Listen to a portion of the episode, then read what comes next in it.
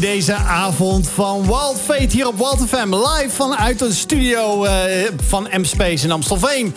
Waar wij uh, de gehele Randstad en verder buiten met uh, de fantastische gospel... en natuurlijk ook ons programma bedienen. Als je vanavond bent afgestemd natuurlijk. Of deze misschien zondagavond nog een keer hoort... of anders via de podcast luistert. Ik ben zo gelukkig hoor. Het is mijn geluksmomentje. Ik zeg hem gelijk, want oh, ik heb er toch zo gemist. Marije, wat blij dat je... Ik ben zo blij dat je er weer bent. Ja, ik moet wel zeggen dat ik zonder jou ook een hele goede tijd gehad heb. Jammer! Ja. het is wel heerlijk om weer in de studio te zijn. Ja, ja. ja, ja dat deel ik absoluut met je, Joost. Ja, ja dat was wel weer uh, het was een pittige tijd, moet ik zeggen, Marije. Ja, alleen radio presenteren en een interview houden... en muziek en de tijd in de gaten houden. En alles is echt wel pittig. Ja, ja nou, goed, maar ik ben blij dat je er weer bij bent eh, vanavond hier live vanuit de studio. En uh, om dat maar gelijk eventjes door te trekken naar onze gast. Gelukkig hebben wij een praatgrage gast vanavond weer gevonden... die voldoende te vertellen heeft, die ja, een, uh, een fantastisch debuut gaat maken. Uh, wel op de radio, want ondertussen is ze al zo vaak op de televisie geweest. Ze heeft in de portemonnee laten kijken. Door, ze kon heel Nederland kon met haar meekijken. maar daarnaast heeft ze ook een fantastisch brugje hier naar deze studio toe kunnen maken. Want toen zij hier het parkeerterrein op reed... toen kreeg ze gelijk een fantastisch appje binnen haar systeem... dat ze bij Doorbrekers Kids zit. Want hoe komt dat namelijk als je hier naar Walter een fanatieke luisteraar bent... en misschien bewust of onbewust op zondagochtend uh, hier uh, wel eens de radio aanzet... dan weet je dat uh, de Doorbrekers, dat is een kerkelijke, kerkelijke gemeenschap... en die hebben onder andere een vestiging in Amsterdam... en die, die, die huisvesten ook in het pand waar Wild Fate ook, Wild FM ook gevestigd is. En nou, daar kreeg onze gast vanavond gelijk een bliepje binnen. Maar ja, los van dat, ja, haar man heeft van mijn grote hobby zijn werk gemaakt. Dat is namelijk onder andere motorrijden... wat hij heel de dag onder andere mag doen. Nou ja, misschien zeg je wel eens van... hé, hey, er zijn een heleboel dingen te combineren. Ze is enthousiast over opvoeden, want daar eh, twittert ze... oh nee, niet twittert ze, daar vlogt ze de, bijna de hele dag over. Want uh, ja, dat is even leuk om ook mee te kijken. Het is niemand minder dan Linda de Groot! Hey, Linda, leuk dat je er bent. Dankjewel dat ik hier mag zijn. Ja, ja. je radiodebuut. Ja, de eerste keer op radio. Hoe bijzonder is dat? Terwijl, uh, ja, wat ik al een beetje zei in die introductie... Je, heel Nederland heeft met jullie uh, in, in, in, jullie huishouden mee kunnen kijken. Hè? Ja, dat was ook een debuut. Alleen al een televisiedebuut, inderdaad. ja, dus we maken een hoop nieuwe dingen mee. Leuk. Ja, ja, ja. en je bent ook... ja, dat zijn natuurlijk eventjes de, de, de sitelinks over van, waar we vanavond het allicht een beetje over hebben. Van ja, hoe, hoe is het nou, misschien zelfs wel in deze tijd... om financieel rond te komen, waar moet je misschien wel op letten? Dat is natuurlijk een beetje een, een, een bijkomend, want je bent eigenlijk eigenlijk uh, vooral bezig. Niet alleen, uh, misschien ook wel is het, ik zou bijna zeggen je hobby... maar ook een coachingsbureau heb jij specifiek op opvoeding. Ja, of op, opvoeden. Hoe ga je daarmee om? Wat zijn de, de struggles?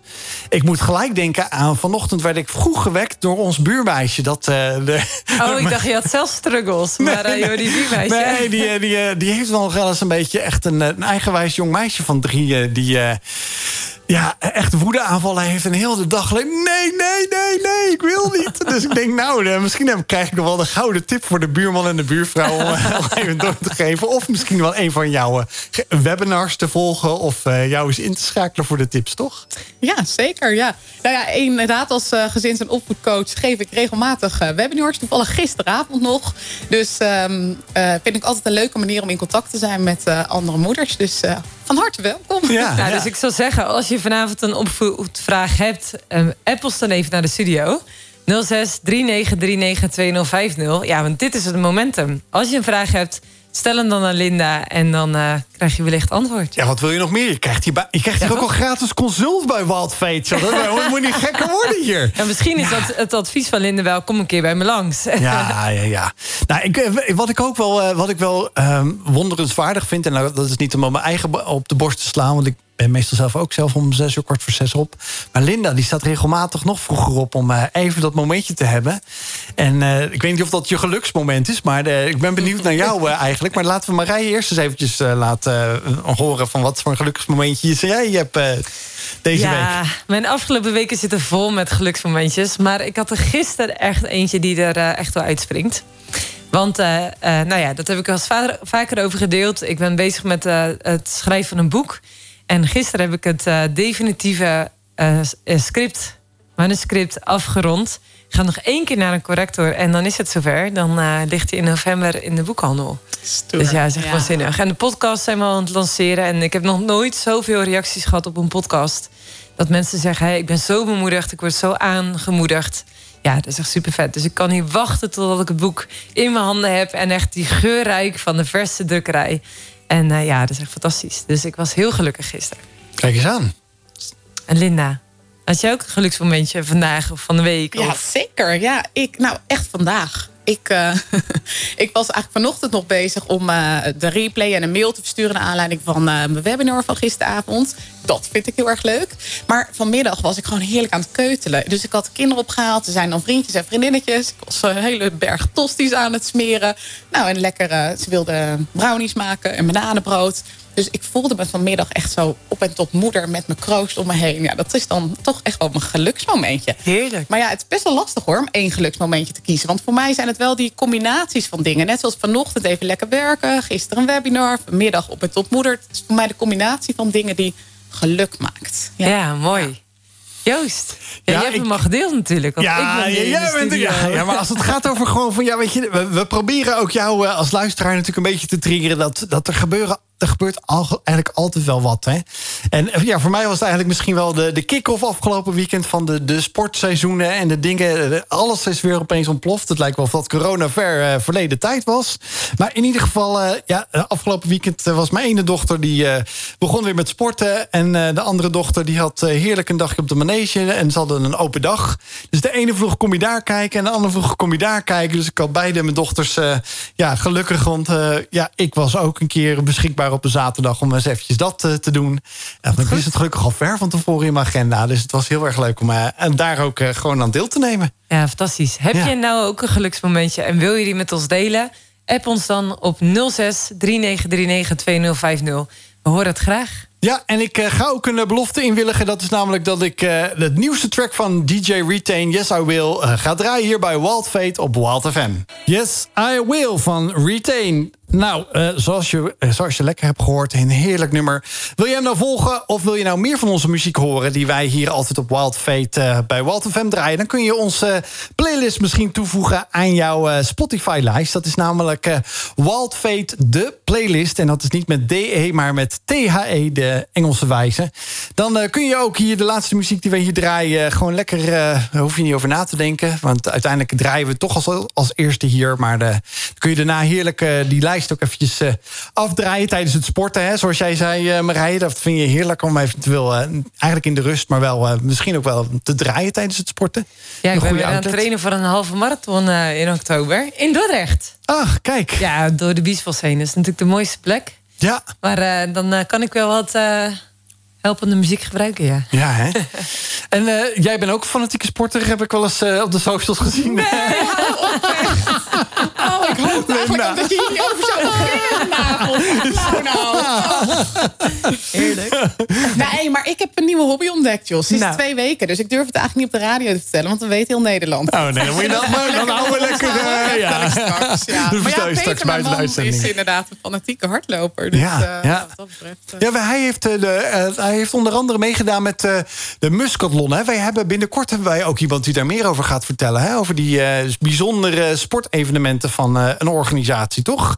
Ja, Marije gaat gelijk even kijken wanneer ja, krijgen we zit, daar iemand. Ik zit te kijken, want Jurien komt wel langs. Jurien te Brinken, maar die ja. gaat vertellen over Be Courageous. Oké, okay, ja. En die kan ook alles vertellen over Compassion. Waarbij sommige mensen inderdaad voor de organisatie Compassion een Muscatlon lopen. En ken je dat nog niet? Joost, moet je wel een beetje uitleggen natuurlijk. Want misschien denken mensen, muscatlon, wat is Ja. dat voor term? Ja, Geen nee. triathlon? Nee, nee, nee dat, dat, maar dat is begonnen door een, eh, door een, eh, door een mannenbeweging. Hè, die uiteindelijk eh, ja, gewoon eigenlijk vriendschap... eh, ja, mannen zijn wat moeilijker in vrienden maken, denk ik, zou ik maar zeggen. Ik, ik spreek een beetje voor mezelf. Want als ik dan mijn vrouw hoor... eh, Ja, ja ik heb wel twee, drie, vier vriendinnen. eh Heidi hier, uitje daar. En dan denk ik, ja, ja, ik ga ook wel eens motorrijden... of ik ga ook wel eens even ergens een biertje drinken. Maar mijn echte vriendengroep is wel wat kleiner. Maar dat is in ieder geval begonnen, de, de, de, de, de Musketeers. Ja, en die hebben daarna ook gewoon een heel goed doel geadopteerd... Van, vanuit Compassion. En die zijn begonnen met sportevenementen. En dat zijn ze begonnen met hardlopen in allerlei eh, verre orden. Ja, want Simon Ja. was ook een keer hier. Ja. En Simon die werkt voor Open Doors. En ik weet toevallig dat ze nu in Irak aan het hardlopen zijn. Ja. En dat gaan ze vannacht, vannacht doen. Want het is zo enorm heet daar. Dat ze Mhm. natuurlijk een. eh, want ze gaan dan een hele marathon lopen. Ja, dat wil je natuurlijk niet in de snikhete hitte lopen. Nee. Over hardlopen gesproken. Ja, hè? ja. En jouw man heeft ook een keer met zo'n evenement meegedaan, toch, Linda? Ja, nou ja, jaarlijks. Hij, eh, hij eh, werkt mee als vrijwilliger eh, als sportleider. Dus dat betekent dat hij van tevoren, voordat er een hele groep naartoe gaat, gaat hij naar het betreffende land. Gaat hij zelf de marathon uitzetten. Dus hij maakt de route die Oh, vervolgens de groep eh, marathonlopers en mountainbikers en wandelaars. Want het zijn tegenwoordig inderdaad al drie eh, sporten die beoefend worden. Dus hij zet dat uit, die route. En dan, eh, nou, vaak een paar maanden later, dan. Gaat de hele groep daar naartoe. En eh, dan gaan ze hun prestatie leveren. En het bijzondere is, er zijn op dit moment drie goede doelen verbonden aan de Muscatlon. Dus inderdaad Compassion, Open Doors en Tot Hel des Volks. Drie hele verschillende goede doelen. En als, ehm, als sporter kies je één doel uit waar je 10.000 euro voor op gaat halen. 10.000 euro. Ja, dus dan kan je je voorstellen wat ja, zo'n groep aan financiën meeneemt. En vervolgens ga je in dat land kijken van ja, wat gebeurt er dan? Hè? Want je gaat naar die projecten toe en eh, je ziet met eigen ogen van eh, ja, waar gaat mijn geld naartoe? En in het geval van Compassion. eh, ja, ontmoet je je sponsorkindje, eh, zie je waar, waar het kindje leeft. En eh, ja, dat is levensveranderend, zo'n reis. Ja. Ja, dus niet alleen maar voor degene die, die daar woont en die dus gesupport wordt. In dat geval kinderen die ook naar school kunnen en medische zorg krijgen. Maar daarbij dus natuurlijk ook ja, voor degene die sponsort en ook gewoon Ja. ziet. Ja, Misschien wel des te meer voor jezelf. Ik denk dat dat soort reizen heel vaak zeggen we van nou, we gaan echt goed doen. Onder het mom van goed doen gaan we naar het buitenland. Ja. En dat is een heel nobel streven. Maar ik denk dat het het meest veranderend voor jezelf is. Tenminste, als ik voor mezelf spreek met dat soort ervaringen wel. Ja. Maar als je nou niet zo sporter bent, kun je dus tegenwoordig ook gaan wandelen. Je kan dus ook wandelen, ja. ja. Maar niet zomaar even 10 kilometer. Volgens mij is het ook echt 60 kilometer of zo. hoor. Oké, oké. Ja, en binnenkort wordt er ook in Nederland een, eh, een, ehm, een sportevenement eh, georganiseerd. Ah, ja. Dus je kan ook eh, in Nederland Ja, aan. dichter bij huis, zeg Precies. maar. Dan hoef je Ja. niet ver weg Ja. of in de hitte te lopen. Ja. Ja. Maar als zou je nou mogen eh, kiezen voor een sport, wat vind je dan leuk? Schaken. Nee. Nee, je krijgt het. Ze, ze zei dat zeg ik buiten de uitzending. Maar nou, jij nieuwsgierig. eh, nieuwsgierig vraag je nou. Ja, Maar de eerlijkheid is ook van ehm, eh, met kinderen, het is ook je agenda is zo snel vol. Dus het is, en als je dan sporten niet per se heel leuk vindt, dan is dat dus niet het eerste waar je prioriteit aan stelt. Dus niet dat ik denk van, nou, zou niet goed zijn. Nee, ik vind het heel goed. Dus ik zie wel, mijn, eh, ons jongste zoontje is nu 3,5, dat ik, ik begin na te denken over van, oh ja, als hij straks naar school gaat, dan zou ik dus ochtends iets kunnen doen. Nou, wat zou ik dan leuk vinden? Nou, dat is goed beginnen? Nadenken over wat als. Dan ga ik. Ja, Joost, jij bent ook niet zo'n sporter, motorrijder. Nou, ik vind het heerlijk om echt te wandelen. En dan niet echt een, eh, de- de- alleen het blokje rond, rond het huis. Maar gewoon eh, nou ja, die biesbos, hè, die, die is 800 meter van mijn huis vandaan. Dus echt s'avonds uh, zeker... Dat is voor mij de tijd. Dat, s ochtends vroeg is al zo vroeg. Dus dan is het vaak even de dag gewoon loslaten... en heerlijk door die natuur heen lopen. Dat is zo lekker. Dat is echt zo... ook gewoon ontspanning. Ja. Dus dat is voor mij echt. En ik heb ook naar lang moeten naar zoeken. En toen liep ik toevallig uh, van het weekend. Nou, omdat ik dus voor de ene dochter naar de manege moest.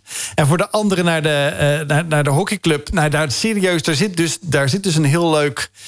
Uh, ja, sportaccommodatie tussen. En dat is een beetje, ja, tegenwoordig is dat, het, uh, is dat heel goed voor je. Want ik heb gehoord dat uh, vanaf een bepaalde leeftijd je aan, je aan je vooral aan je spieren moet gaan werken. dus, dan kan je nog zo hard gaan, gaan, ja. Ja, gaan hardlopen of gaan fietsen om je hart te laten pompen. Dat is natuurlijk ook belangrijk, want dat moet blijven pompen. Maar dat spierkracht heel belangrijk is voor oudere leeftijd.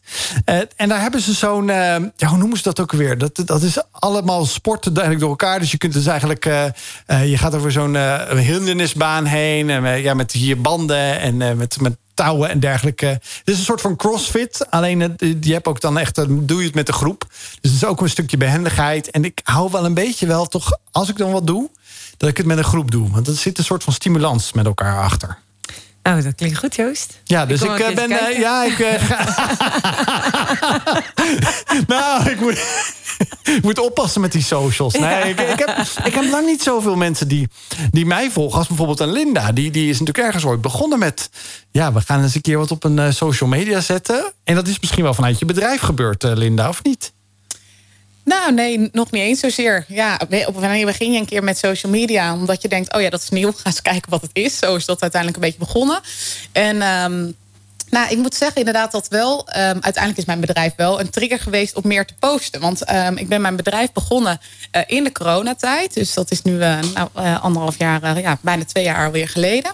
En toen begon ik heel veel te posten over um, hoe het bij mij thuis ging met het thuisonderwijs. En wat voor dingetjes ik dan deed. En hoe ik ervoor zorgde dat de structuur was. En nou, daar kreeg ik heel veel reacties op. En mensen vroegen van, oh, doe mij ook eens zo'n lijstje. Of hoe doe je nou dat structuurtje? Of zo is het wel gaan groeien, inderdaad, oh, ja. mijn social media activiteiten, zeg maar. Ja. ja. leven, leven van Linda. Dus nou ja, dan, uh, dat kan natuurlijk heel breed zijn. Maar dan ga je ja. gelijk mee de diepte in bijna. Ja, nou ja, inderdaad, leven van Linda omvat een heleboel. Want ik dacht, ja, wat, wat, wat ga ik dan doen? Dus het is echt een kijkje in wat ik doe, wie ik ben en uh, hoe ik mijn gezin ben. Ja, want, want als mensen, ik, ik heb eigenlijk, eh, niet dat ik zo altijd van de Google ben, maar soms kunnen mensen zeggen, nou, uh, Linda de Groot, ik ga eens even googlen. Komen ze dan ook gelijk bij een bepaald uh, televisieprogramma uit waar, je, waar jullie als gezin aan, aan, mee hebben gewerkt? Hoe heet het ook weer? Waar doen ze het van? Of niet? Ik heb geen idee als je mij googelt, want ik google mezelf nooit. nee, ik namelijk, ik, dus ik, ik, ik, ik soms. Uh, nee. Ja, maar goed, inderdaad, we hebben meegedaan met het programma Waar doen ze het van?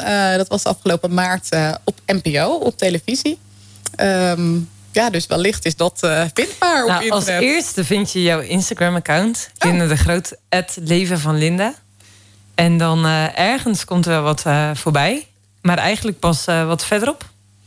En dan staat er Linda uit waar doen ze het van? Over haar financiële situatie. Hoppa. Ja, nou, dat was wat. Dat was wat. Nou, dan moeten we misschien zo eventjes daar meer over vragen. Ja, ik ben wel benieuwd. Een heerlijk nummer van Apollo Run. Nou, dat is misschien ook wel eh, waar we het net voor de muziek over hadden. Wat, haar, wat de man van Linda graag doet, is rennen. En eigenlijk iets uit, uh, tippelen van de Muscatlon. Dat is een uh, goede doelen ren-evenement... waar je alleen als deelnemer al 10.000 euro voor moet binnenhalen. Maar daar gaan we het niet over hebben. Want we hadden het net over de reclame, uh, net voor de, muziek over... van wat als je Linda googelt. En toen kwam er ook uit onder andere... waar doen ze het van? Dat is een NPO-programma geweest van de EO, denk ik... Dat, uh, die dat geproduceerd heeft. En dan, dan word je meegenomen in de financiële rijlen en zeilen... Nou ja, om de boel draaiende te houden thuis, toch, Linda? Ja, klopt. Er werden vier gezinnen gevolgd tijdens deze serie. Um, nou ja, van, uh, van modaal inkomen tot hoog inkomen tot uh, gezin in de schulden. En uh, ook een alleenstaande moeder die van de bijstand rond moet komen. En, en wat ze hebben gedaan is eigenlijk vier verschillende visies naast elkaar gezet... van hoe je met financiën om kan gaan. Dus echt letterlijk, ja, hoeveel komt er binnen en waar, waar verdeel je dat dan over? Hoe gaat dat? Ja. Wat vond je het leukste van het moment van de, de opnames? Dus jullie hebben echt maandenlang zijn jullie opgenomen volgens mij? Ja, we zijn uh, inderdaad ruim een half jaar uh, intensief gevolgd. Zo, wow. Dus we hadden echt wekelijks contact met het productieteam... over wat we allemaal deden en wat er misschien wel of niet interessant was om te volgen. We moesten heel veel vloggen. Dus echt uh, heel vaak dat je denkt... oh, moet ik hier wat mee? Of oh, ja. moet ik nu mijn telefoon pakken? Of nee, je zat allemaal uit moeten zoeken, die uren aan, ja. aan opnames. Ja, en... En al je bankrekeningen uh, wilden ze continu natuurlijk zien. Uh, en uh, van, oh, wat heb je dan hier gedaan? Wat dan? Wat dit?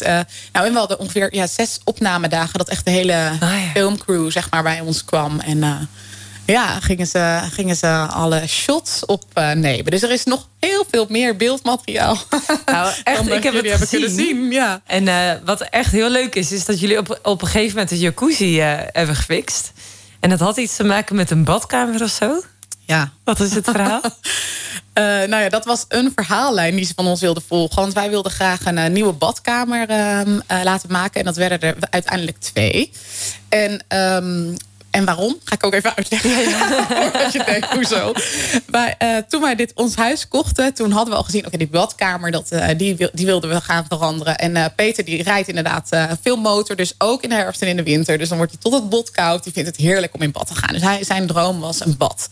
maar goed, daar hadden we op dat moment niet meer het geld voor. Dus we zeiden, oké, nou, als we weer genoeg gespaard hebben... dan gaan we een bad maken in die badkamer. Het is een hele kleine badkamer, serieus. Weet ik veel, 2 bij 2, 3 bij 3. Echt klein, zeg maar. Ja. Dus daar kon niet niet een apart bad in en een aparte douche.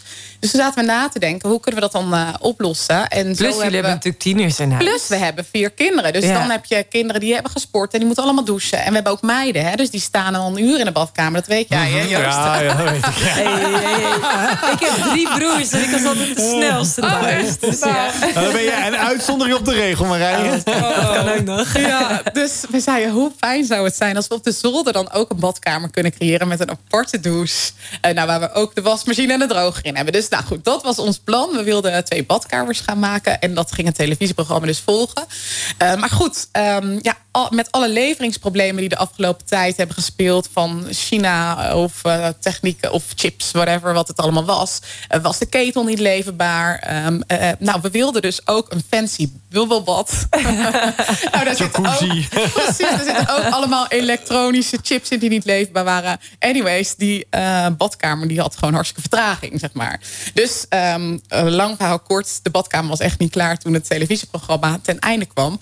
En zo zaten we een beetje te fantaseren. En toen zeiden we, maar we hadden namelijk gezegd... ons doel is om met kerst in het bubbelbad te liggen. Nou, dat doel was dus eigenlijk niet behaald. Maar toen zeiden we, ja, dag. Verder dat ons doel behaald is. Uh, we gaan gewoon een jacuzzi huren. Die hebben we in de tuin gezet, met de kinderen opgezet. Leuk, allemaal kerstlampjes in de tuin.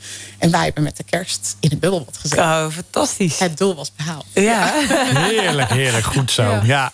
Was het leuk om eraan mee te doen? Want ik bedoel, je legt nogal wat uh, openbaar. Niet alleen maar hoe je het als gezin doet, maar ook echt gewoon ja, echt letterlijk naar de bankrekeningen kijken? Ja, het is gewoon een hele belevenis om mee te doen. Ja, uh, ik bedoel, wanneer maak je zoiets nou mee? Ik bedoel, het is natuurlijk uh, ja, heel uniek. Dus het was ook dat, in dat opzicht was het uh, leuk. Um, ik, ik, ik weet niet zo goed. Ik weet nog niet zo goed wat voor een woord ik eraan zou moeten geven. Maar um, um, we geloofden wel van. Uh, nou, wij, wij hebben heel erg visie voor onze financiën. En um, uh, dat heeft uiteindelijk ook ons over de streep getrokken om überhaupt mee te doen. Zo van, nou oké, okay, misschien kunnen, kan de manier waarop wij dit doen ook weer anderen inspireren. Net zoals de andere gezinnen ons ook weer inspireren op hun manier. Plus, um, het is gewoon een taboe, hè, financiën. Ik bedoel, er wordt eigenlijk, wanneer wordt er nou over gesproken? Wie wat verdient, uh, hoe duur je huis was, hoeveel hypotheek je nog hebt. Nou, dat wordt toch altijd een beetje vaag over gepraat als je op een verjaardag zit. Terwijl uh, ja, het meest leerzame, vinden wij, is om juist die bedragen te horen. Dus uh, dat, ja, wij wilden meedoen om dat taboe te doorbreken. Is, dat ook een, is dat ook een gesprek aan tafel? voor het programma? Was dat ook al een gesprek aan tafel waar je spreken met, met jullie kinderen over van uitgaven, zakgeld? Uh, nou ja, uh, je kunt niet, niet alles heb je in je portemonnee zitten om te doen? Of, of was dat daarvoor nog niet echt? Het, kwam dat ter sprake? Zeker, absoluut juist wel onderwerp van gesprek. En ook met vrienden okay. en familie. Ja, ik denk dat dat ook uiteindelijk is waarom televisieprogramma ons opgespeurd had. Want uh, ja, daar zijn we juist heel erg open over. En, uh, maar kijk, ook dat is, hè, met wie je omgaat, word je mee besmet. We, wij hebben ook mensen om ons heen verzameld die dat ook interessant vinden. Dus je gaat elkaar ook scherpen op hoe doe jij dat en hoe doe jij dat. En uh, ja, dus, dus dat is ook wel de omgeving waar je in zit. heb, heb, je ook nog een, punt? Want ik, heb, ik weet bijvoorbeeld, ja, jullie zitten bij de doorbrekers. Wat ik al zei, hè, hier op zondagochtend onder andere een dienst uitzenden. en ik weet dat een van de punten was, volgens mij was dat ook een, uh, ik zal niet zeggen een topic op de socials, maar wel van uh, ja, het geven, hè, uh, het weggeven aan goede doelen. Nou, dat is onder andere al wat je man doet met Muscatlon, maar ook gewoon aan de kerk geven. Was dat nog, een, was dat nog iets waar, waar, je mensen zeggen van zo, geven jullie zoveel geld aan de kerk? Of waarvoor geef je dat geld überhaupt aan een kerk? Of was dat nooit een, een, een talk of issue ergens? Echt alle onderwerpen die uh, in het programma langs zijn gekomen... waren onderwerp van gesprek wel. Ja? Want ja, ieder onderwerp triggert wel iets bij iemand natuurlijk. Ja. Uh, ofwel in positieve, ofwel in negatieve zin... of in een vragende zin. Dus uh, ja, het feit dat wij zoveel in verhouding aan de kerk geven... leverde ook vragen op. Maar ook en dus ook weer en positieve reacties van wat te gek dat dat toch kan. Uh, Maar ook vragen van ja, hoezo de kerk? Maar het is ook vaak doordat mensen niet weten wat doet een kerk dan met dat geld en waar zit dat geld? Waar gaat dat geld dan naartoe? En, en de vraag van ja, wil je dan niet weten wat er dan mee wordt gedaan? En, en naast het Um, het hele feitelijke principe van geld geven... zit er voor ons ook een, een, principe achter van zaaien en oogsten... waarin we geloven dat, ja, dat God koninkrijk bouwt. Dus er zitten natuurlijk heel veel eh, achter één zo'n kort item in een televisieprogramma zitten eigenlijk nog zoveel verhaallijnen aan vast. Um, ja, waar je eigenlijk al geen tijd voor hebt om in dat uh, televisieprogramma. Ja, ik weet één ding, één ding van mijn vrouw die zei van uh, zo, de, ik bedoel, je reflecteert ook een beetje op jezelf, hè? Maar dat ze zeggen van ja, natuurlijk, jullie hebben een gezin van, van zes, wij van vier. Maar wel van, uh, dat is ook een reflectie in jezelf van hoeveel ben ik eigenlijk kwijt aan bijvoorbeeld de boodschappen, hè? Weet je wel? Van ja, dat, dat, dat je opeens denkt van zo, zoveel voor boodschappen. Maar dat je ook dan opeens naar je eigen rekening bewust eigenlijk gaat trekken. Ja, maar wij betalen eigenlijk ook in verhouding van het totaal van een gezin ook zoveel. Hè? En met al die losse rekeningetjes van een, van een eh, winkel hier en een winkel daar. Voor de dagelijkse uh, leven, zou ik maar zeggen. Dat je oh, zo. Weet je wel? Dat je dan even een bewust, bewustwording krijgt voor jezelf. Ja, ja absoluut. Ja, het is een grote kostenpost. Ja. Ja. ja. ja. het is ook wel echt wel leuk om, uh, ook voor de luisteraar, eens na te denken: wat vind ik dan echt belangrijk? Gewoon van wat, waar wil je dus geld in investeren of geld voor betalen of geld aan uitgeven? Uh, en, uh, en daar dan ook eens even naar te kijken van, hè, maar wat vind ik daar eigenlijk van? Van hoe dat ik het doe of wat ik eigenlijk wil. Ja, dus wil je die reacties geven of wil je een, eh, een vraag aan Linda stellen? Dan kan dat natuurlijk via de studio WhatsApp 0639392050. En uh, kunnen we hier live vanavond ook voorleggen aan Linda. Niet dat ze gelijk een, een pasklaar antwoord waarschijnlijk heeft, maar toch, het is goed om eens eventjes misschien te spiegelen, toch? Ja, ik vind zo'n mooie quote is: waar je schat is, uh, daar is je hart. Hè? Dus waar je geld is, daar, daar is iets wat jou uh, triggert, wat je leuk vindt, wat je interesse heeft. En als je eens al je financiën op een rijtje zet en je inderdaad gaat zien van hey, er gaat heel veel geld uh, naar het televisieabonnement, of er gaat heel veel geld naar de voetbal, of er gaat heel veel geld naar eten. He, dat laat dus zien, oké, dat is dus belangrijk voor je. Nou, in ons geval vonden wij ook net zo goed heel leuk om weer te zien... oh ja, er gaat heel veel geld in verhouding naar de kerk... maar we gingen bij ons ook heel veel geld bijvoorbeeld naar um, vakanties en uitjes. En dat klopt precies, want en de kerk vinden we heel belangrijk. Daar is ons hart. En uh, ons gezin, zeg maar. Dus uh, ja, dat is leuk om even te zien. Waar je schat is, is je hart. Dat was Rent Collective. Uh, Rent Collective. Zo krijg je ja. een spontane spraakverwarring hier. Met Whosoever. En we hebben natuurlijk zoals elke week weer een poll uitgezet. En dat kom, maar, kom, maar, kom maar met je mening. En het haakt deze week natuurlijk helemaal aan bij het thema van, uh, van Linda. En de poll was: visie is het beginpunt van controle. Nou, daar hebben natuurlijk weer mensen op gereageerd. En misschien denk je nu wel: ja, ik heb niet gereageerd, maar ik vind er wel wat van. Maar 100% zei dat is waar. Visie is het beginpunt van controle. Wat vind jij ervan, Linda? Ja, uh, visie is het uh, doel en uh, het punt waar je naartoe gaat bewegen. Dus ik, ik, ik, vergelijk visie altijd met als je in de auto stapt en je moet ergens naartoe. Ik ging hier naartoe en ik moest even mijn navigatie aanzetten. Ik bedoel, dat is mijn visie, dat is mijn doel van vanavond. Hier moet ik naartoe.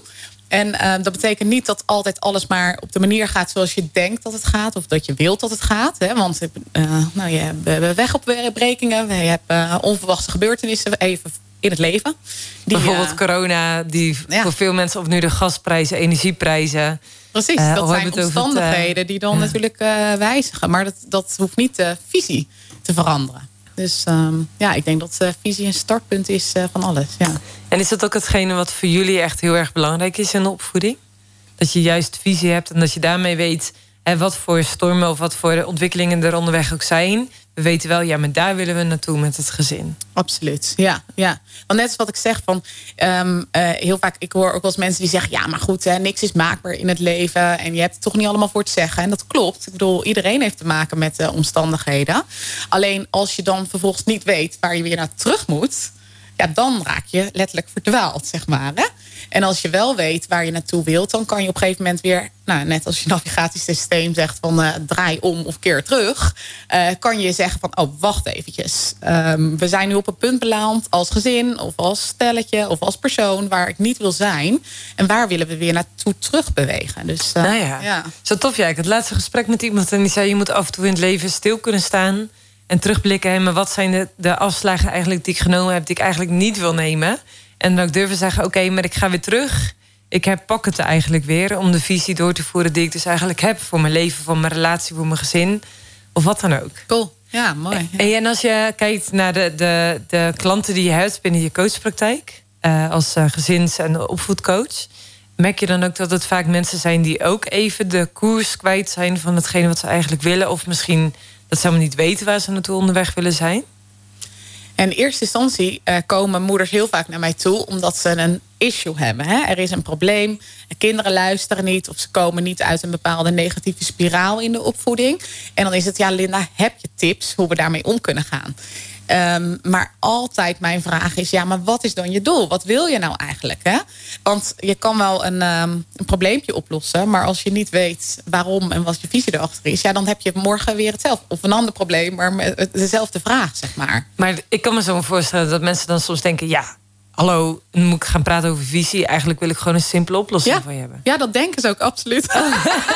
ja. Je, je hebt zo'n kant-en-klare klapper zo van uh, elk probleem heeft een oplossing. Of ja, zo, denken dat, mensen dat. willen mensen natuurlijk. Van ja, Ik, ik leg toch nu bij jou een, een issue neer. Dus help me gewoon om dat op te, op te lossen, zeg maar. Ja. Uh, maar ik vergelijk het uh, opvoeding altijd. Ik uh, maak een opvoedcirkel. Zeg ik, ja, je, we zijn continu als, als ouders in een rondje aan het draaien. Hè? Dus, um, en dat begint wat mij betreft bij je hebt, een, je hebt vanuit je referentiekader en je levenservaringen eh, ga je een visie creëren. Hè? Want je komt als partners bij elkaar. Uh, of in elk geval als ouders van kinderen. Hè? Ben je altijd met z'n tweeën over het algemeen. En um, dan kom je, komen er twee culturen bij elkaar. Dus wat neem je mee vanuit je eigen opvoeding en je levenservaring? En dan ga je een visie creëren. Nou. Ja, dus bedoel je eigenlijk al gezinscultuur. Dus Ja. je hoeft niet per se uit andere culturen te komen, zeg maar van je bent Nederlander of je bent Fransman of vrouw. Maar het gaat veel meer ook over. Je komt dus uit een bepaalde gezinscultuursetting. Die je dus meeneemt in je, in je relatie, in het ouderschap. In ja, eigenlijk ook hoe je met jezelf of met de kinderen ook omgaat. Absoluut, pak maar. Weet ik veel. Sommige gezinnen eten altijd aan tafel met z'n allen. En anderen gaan altijd voor de televisie eten. Oh ja. Bijvoorbeeld. Dat is een cultuursverschil. En als de een denkt, ja, maar uh, we gaan eten, dus we zitten nu toch voor de tv. En de ander denkt, uh, nee, dit is tijd om even Ja. te praten. Ja, dan heb je al een verschil, zeg maar. Dus je moet altijd er samen over nadenken van hoe doen we dit, hoe doen we dat, zeg maar. En hoe was dat voor jou en je man? Wat voor dingen hadden jullie dat je echt merkte... ja, dat heb ik echt heel anders. Dat zie ik heel anders, dat beleef ik heel anders dan jij? Um, nou, wij komen echt uit wel twee hele verschillende culturen. Maar wij zijn allebei echte Dus ik denk dat is absoluut ons voordeel. Um, nou, jij noemt net al, Joost, van ja, als man doe je soms dingen anders dan als vrouw. Um, nou, veel mannen vinden het ook lastig om te praten hè, over gevoelens of over visie. En maar Peter en ik hebben dat altijd heel goed gekund. Van, oh ja, wat zien we dan, wat vinden we belangrijk?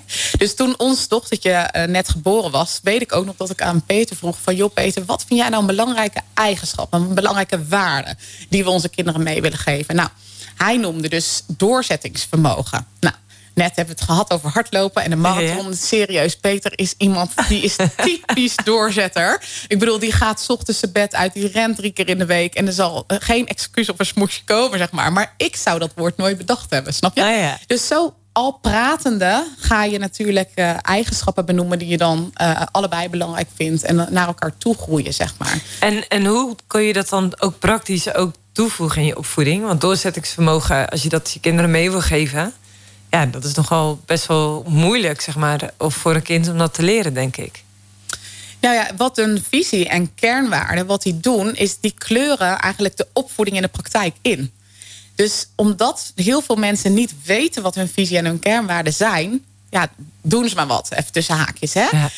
Um, terwijl als je weet, oh, maar ik ben bezig om mijn kind een doorzetter te maken. En ik ben bezig om van mijn kind iemand te maken die altijd eerlijk en oprecht is. Of ik ben altijd bezig dat we als broers en zussen liefdevol met elkaar omgaan. Dan kan je heel, uh, ja, heel bewust dus uh, die opvoeding inkleuren. Dus ik denk al door de woorden aan te geven. Dus echt door die visie op te schrijven, gaat je opvoeding echt in de praktijk al heel anders zijn. Ja. Hoe was dat voor jou, Joost? Ja, ik wou zeggen, heb je daar dan een boekje voor gehad waar, de, waar je toen, ja, jouw oudste, hoorden we net tussen de, tussen de muziek door 14 was, of 14 nu is. Dus dan houdt het in dat je 14 jaar geleden misschien samen om uh, de tafel zat en dan uh, komt er een boekje. Uh, heb je dat ook zo, zo zeggen, bewust opgeschreven? Ja, ja. Ja, sterker nog, het hangt uh, in, een, uh, in een lijst bij ons uh, in huis. Wow. Omdat we dat ook echt regelmatig erbij pakken. Omdat we willen dat het iets is van ons als gezin wat we belangrijk vinden. En, en daar ook elkaar scherp op houden. Dus ja, we hebben een gezinsvisie, maar we hebben daar vijf waarden ook inderdaad aangeplakt van dingen die we belangrijk vinden. Dus bijvoorbeeld die verbinding tussen broertjes en zusjes en als gezin, zeg maar. En dan als er bijvoorbeeld iemand gaat afstemmen, dan zeggen we maar hier gaan we met z'n allen naartoe. Want we vinden het belangrijk om aandacht te hebben voor voor eh, wat de ander doet. Maar ook het luisteren bij elkaar aan tafel. Ja, ik weet niet hoe dat uh, bij jou thuis gaat. Maar bij ons is het uh, een kippenhok. Vooral met vier hey, kinderen, ja. kippenhok. Heerlijk. ook in Barneveld, hè. Dus, ja. dus, maar omdat we het belangrijk vinden dat ze leren naar elkaar te luisteren... en interesse te tonen, kan je heel bewust zeggen... hé, hey, maar wij vinden het belangrijk dat we even naar elkaar luisteren. Dus als jij nu even stil bent, dan kan die eventjes wat vertellen. Zo, weet je wel, zo heel intentioneel ben je dan eigenlijk bezig met zo'n maaltijd. Ja. ja. En ik vind dat daardoor opvoeden ook zo leuk. Ja, je ziet me als, als stralen. Maar, ja, het is echt een soort missie, ja, zeg maar. Of dat je ja. dat dan meekrijgt door de Radio 1 of niet. Maar uh, het is echt van oor tot oor, shine, shine, shine. Hier om, ja, jij had die vraag nog hoe ik dat, hoe ik dat zag. Ja, maar ik denk dat wij, uh, wij hebben ook dat het is natuurlijk wel wat je. Ja, het klinkt een beetje zeggen dat je dat uh, soort van bezegelt. Maar ja, je kijkt wel naar jezelf. En dat wij ook zeggen van ja, we willen heel graag uh, onze kinderen ook een bepaalde. Uh, ja, respect opbrengen. Hè, en dat ze gewoon ook gewoon luisteren, sociaal zijn. Kijk, en je kan wel zeggen, ja, ik ben zelf ook sociaal als persoon. Maar je kan ook zeggen, ja, maar ik ben helemaal iemand die introvert is, die helemaal niet houdt van die mensen opzoeken. Ja, als ik dan naar mijn, dochters kijk, denk ik, ja, dat zijn wel van die twee publiekelijke figuren die het niet erg vinden om, ja, om al contact te maken met vreemden. Hè, zou ik maar zeggen. Of dat klinkt een beetje gek. Maar, maar in ieder geval dat je dat ook hebt. En dat is wel een beetje waar we in de opvoeding ook, ook mee, mee werken. We hebben ook echt veel vrienden waar, waar we tijd voor maken, familie. Maar ook met elkaar. Hè. Dus dat je, ja, wij zitten ook inderdaad aan tafel. Uh, ja, dat, dat is inderdaad ook wel eens zo. Dat komt ik weet nog, vroeger komen dan de, je kinderen terug van bijvoorbeeld omdat ze bij een vriendje of vriendinnetje hebben uh, gespeeld na school en dan mogen ze daar blijven eten. Zeggen ze, ik vond het zo gek. Want uh, we gingen aan tafel. We gingen niet aan tafel zitten, maar we gingen voor de televisie zitten, inderdaad, met ons bordje op schoot. Ik vond het zo lastig om te eten met mes en vork. Ja. Ja, maar uh, die kinderen die gebruiken geen mes en vork, want die doen alleen een vork. Ja, dat is natuurlijk iets wat gewoon wat je meekrijgt, ja, dat, was dat is bij ons niet. En zo kwamen ook met kinderen dan zeggen. En wij hebben ook nooit een issue bijvoorbeeld gemaakt van... ja, als we dan een, een kindje, gastvrij wil je die ontvangen... Uh, je, je, je, draait gewoon wat je altijd doet met eten. Uh, Bijbel lezen, bidden, dat soort dingen. Maar ook gewoon van, ja, dat we ook wel zeggen... dat zijn dingen die blijven, maar lust je deze bloemkool niet... nou, we hebben ook een tosti voor jou, hoor. Dus we zeggen niet, je moet dit eten... want we moeten toch zeggen tegen mama of papa dat je goed gegeten hebt. Maar ja, wij weten dus ook niet tradities of dingen die mensen... dan zeggen ze, ja, maar ik heb altijd, uh, altijd voor me geprakt... of ik heb altijd een kaassaus. Jullie hebben geen kaassaus, maar uh, een andere soort saus. Niet. werkt altijd, Joost. Ja, ja, ja satésaus. Ja, dat heb ik al vaker van iemand appelmoes, gehoord. Hè? Ja. Appelmoes, overal appelmoes bij. Ja, dat helpt altijd. Maar, maar dat zijn wel van, die, uh, van die dingen... die je misschien ook wel thuis hoort bij jou... als, als, als vriendinnetjes of vriendjes meekomen met, met, met jullie kinderen. Nou, ik had laatst nog, toen zei mijn dochter, um, van ons... ik zei, joh, uh, we gaan zo meteen eten. Eet je mee? Wat is jouw plan? Uh, eventjes, wat, wat gaan we doen? En nou ja, die bleef dus gezellig eten. En toen zei een van mijn dochters van... nou, wat ik laatst nog ergens hoorde... dat het dus in Nederland helemaal niet normaal is... dat mensen met elkaar mee eten. Want blijkbaar is in onze cultuur het zo... dat om vijf uur iemand weg moet zijn. En ze zei het echt met zo'n verbazing... dat ik dacht, oh ja, dat ken jij niet. Want bij ons, in onze gezinscultuur... is het heel normaal dat we vragen wie eten mee. En uh, vriendjes en vriendinnen ze kunnen blijven. Inderdaad, omdat we het zo belangrijk vinden... om gastvrij te zijn en hè, uh, ons huis open te stellen voor anderen. Maar dat was dacht ik, kijk, dat is ook weer hè, een, um, een bepaald vizier wat je op hebt.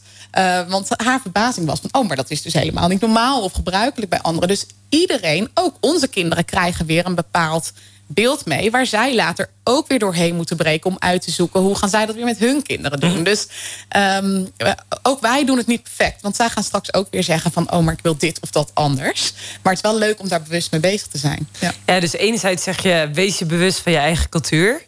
En twee, gaat het gesprek juist ook met elkaar aan van wat vinden we hier eigenlijk van? En wat willen wij dus zelf kiezen als visie voor uh, uh, mijn huis of mijn gezin of samen met mijn partner, wat je status dan ook is. En dat je dat ook vervolgens uit kunt leven. Ja.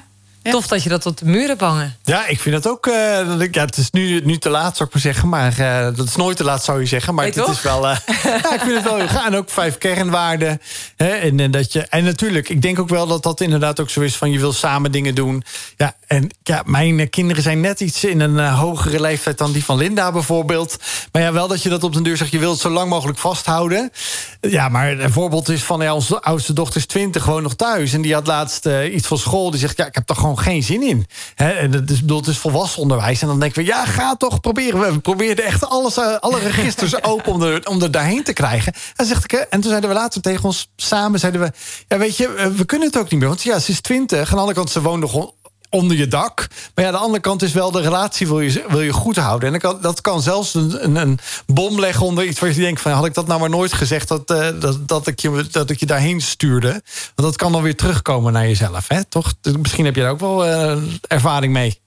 Nou ja, wat je dus eigenlijk nu doet, is je verkiest de ene waarde boven de andere. Want er zijn twee dingen die je belangrijk vindt. Want ik hoor je zeggen van, ik wil dat ze die studie of die opdracht af gaat maken. Want je zegt, kom op, even doorzetten, la la la. Uh, en aan de andere kant hoor ik je zeggen, ja maar wacht even, die relatie vind ik belangrijker. Ja. Dus je zet de ene boven de ander. Ja. Nou, dat is een goede analyse die, uh, ja, je toch even maakt. Die krijg, zo die krijg je gratis erbij. Als ja. jij nou ook zo'n vraag hebt, dan kan je dat even stellen nog in de tweede uur. Uh, wat we zo meteen ingaan bij uh, Walt Veet hier op Walt FM. Dat kan je doen door even een appje te sturen naar de studio. Of een uh, DM'tje via de socials. Maar de studio kan je bereiken via 0639392050. ja, we moeten er eventjes officieel uit. Want dit station, zou ik bijna zeggen, moet ook roken. Het licht moet aanblijven. Je moet ons ook lekker kunnen be beluisteren waar je wil en hoe je wil. Dus we gaan er even uit voor de reclames en het journaal. Ah, wat een heerlijk openingsnummer van het tweede uur van Wild Fate hier op Wild FM. Dit was Hands van Aaron Cole. Welkom terug bij uh, ja, het tweede uur. We, de tijd vliegt voorbij, zeggen we hier altijd letterlijk en figuurlijk.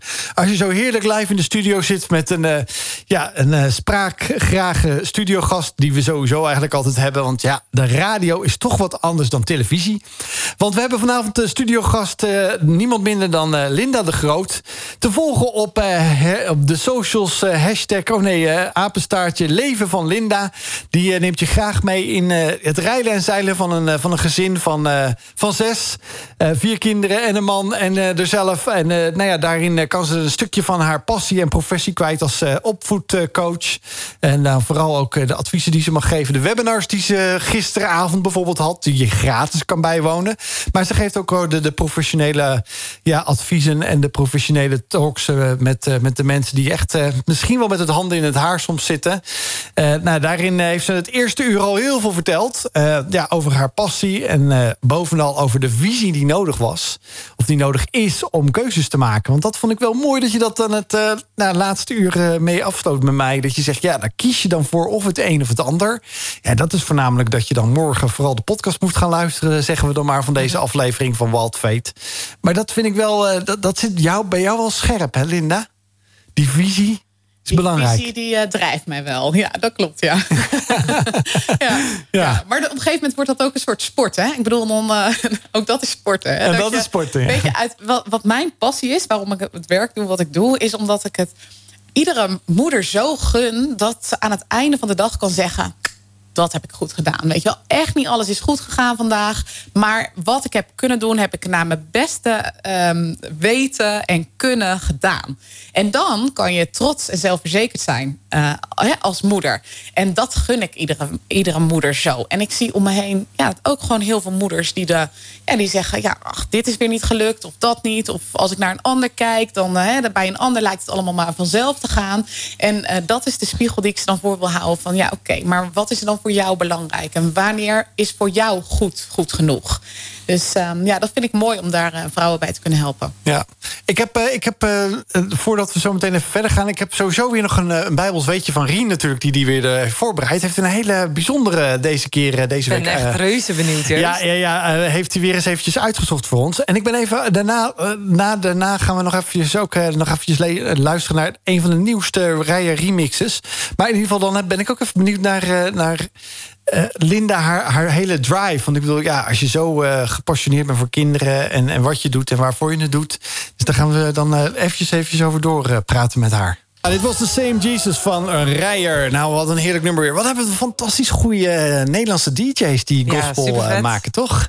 Ja. ja. ik heb wel een aantal favorieten, hoor. Ja, ben je een beetje bekend, Linda, met, met, met de Nederlandse DJ-gospel remixes en dergelijke. Ik hoor hier allemaal uh, nummers die ik nog niet kende. Dus uh, daar kan ik me nog wel iets meer in verdiepen, inderdaad. Ja, want je hebt ook onder andere natuurlijk een tienerdochter. Dus die, ja, of draait hij ja. niet dit soort muziek? Nou, uh, die heeft ook van alles aanstaan. Er galmt altijd van alles door mijn huis. Maar ja. deze kende ik nog niet. Ja, of dan krijg je ook. Of is het bij jullie heel de dag doorbrekers worship? Er zijn allerlei verschillende. We hebben allemaal gedeelde Spotify-lijsten. En de ene keer gaat het een aan het andere. Maar dat varieert echt van Chichiwa tot... Uh, ja. Chichiwa, Chichiwa. Ja, tot aan de, de en dergelijke. Ja, ja, ja. dat liedje is hoofd. Ja, ja, ja, ja. want, want een van de... Die, we hadden net even voor de muziek dat ik zei van... ja, een, een vraag vanuit welke drive je het precies doet. Nou, je bent onder andere ook betrokken bij, uh, bij de doorbrekers, weet ik. Nou, die, zit, die zenden hier op zondagochtend ook een kerkdienst uit. Daar, daar, die neem je ook zelfs mee in je, je dagelijkse of in je, in je vlogs... die je, die je ook uh, deelt uh, op de socials. Is dat ook een bewuste keuze dat je dat laat zien van... Uh, ja, dit is een part of our, life, hè? dus dit, dit hoort er helemaal bij? of hoort het ook een beetje bij ja, de visie die je graag daarin wil uitdagen... wat je daarin kan betekenen? Ja, voor ons is kerk echt een essentieel onderdeel van wie we zijn en wat we doen in onze week. Dus het zou gek zijn als het niet in het leven van Linda zeg maar voorbij zou komen, ook op mijn socials. Waarom is het um, zo'n essentieel onderdeel? Waarom is het zo belangrijk? Ja, als, ik, als wij terugkijken, wij zitten van uh, uh, vrijwel het begin af aan van Doorbrekers uh, kerken we daar. Dus nou, dat is sinds 2005. Um, en als ik kijk wat wij hebben geleerd in de kerk aan, hè, of het nou gaat over wie we zijn in Jezus, hoe ons karakter gebouwd kan worden, hoe we omgaan met financiën, ons huwelijk, ons gezin, alle elementen van het leven, kan ik wel zeggen zijn we groter, sterker, uh, wijzer in geworden door de, door de preken uh, die we in Doorbrekers hebben gehad. Maar niet alleen dat. Het is ook een netwerk hè, wat je om je heen bouwt. Een netwerk van mensen die je kunnen bemoedigen, die je kunnen aansporen, die je kunnen helpen. Dus um, ja, kerk is voor ons een heel groot en belangrijk iets. Ja. Hey, en je, je zegt dan, hè, dan heb ik dingen geleerd over Jezus. Wat is nou hetgene waarvan je zegt van... die les heeft het meeste indruk gemaakt op mijn leven? Toen bleef het lang stil. Goeie dat vraag is moeilijk. dus. Ja, maar, Of dat is moeilijk kiezen. Ja. Want eigenlijk, um, ik heb juist in de coronatijd... waarin het dus niet mogelijk was om zondag naar zondag naar de kerk te gaan... en je dus zelf de discipline elke keer moest hebben... Hè, om de livestream aan te zetten. Om je en... doorzettingsvermogen te oefenen. Precies, precies dat inderdaad. Um, dan zie je dus ook hoe makkelijk het is om dat dan te skippen. Bedoel, terwijl ik, je hoort al aan wat ik zeg... terwijl wij heel erg visie hebben voor naar de kerk gaan... dan is het nog soms lastig. Dus, um, en ik denk ook dat, um, dat dus die discipline... en het week na week horen van... maar ik ben geliefd. Weet je wel, God heeft me gemaakt naar zijn evenbeeld. Ik ben goed zoals ik ben. Um, Jezus is voor mijn zonde en mijn ziekte aan het kruis gegaan. Week na week dat te horen, dat zorgt er ook voor... dat je dat blijft geloven, dat je daarin blijft staan. Dat je, hè, uh, ja, maar ook dus in... Nou, we hadden het net over van je kunt een visie hebben... maar ja, het leven is nou niet altijd roze geur en maneschijn. Dus uh, het helpt je ook door situaties heen... Uh, die moeilijker zijn in het leven. Weet je wel, dat je weet, ja, maar God, maar God. Dus um, ja. Dus God is voor jou echt heel belangrijk? God is voor mij heel belangrijk, ja. ja. Kun je je een leven zonder hem voorstellen? Nee, want ik vraag me echt heel vaak, juist denk ik bij moeilijke situaties af van, maar hoe doen mensen dat die God niet kennen? Want voor mij zijn dus dingen soms ook niet dat ik alles begrijp van het leven, maar dingen zijn soms wel te verklaren doordat ik dingen in de Bijbel lees over het ontstaan van de aarde of het hiernamaals of uh, de struggles die je in de Bijbel leest van, uh, van, van de mensen en de verhalen die in de Bijbel staan. Dus ja, het helpt me wel beter te begrijpen hoe het leven in elkaar zit. Ja. En als iemand nu luistert en zegt: Linda, dat wat je zegt, uh, van hoe zouden mensen zonder God leven? Ik leef zonder God, maar ik zou zo graag wat van hem willen zien, wat van hem willen ja, horen. Uh, hoe, hoe zou ik dat kunnen doen? Wat zou je zo iemand dan willen zeggen? Ja, ik geloof, God wil altijd zich openbaren aan je. Wil zich altijd laten zien aan je. Want hij heeft jou gemaakt. Hij heeft jou en mij gemaakt. Ik bedoel, hij kent je als geen ander in de Bijbel staat. Al je haren zijn geteld. Uh, alles weet hij van je. Maar hij wil zich ook niet aan je opdringen. Weet je wel, hij is een gentleman. Maar ik geloof als je uitspreekt letterlijk naar hem van... oké, God, als u, daar dan, als u er dan bent... wilt u me dan iets laten zien van wie je bent? En dan mag je, denk ik ook, is het goed om open te staan voor alle vormen van God.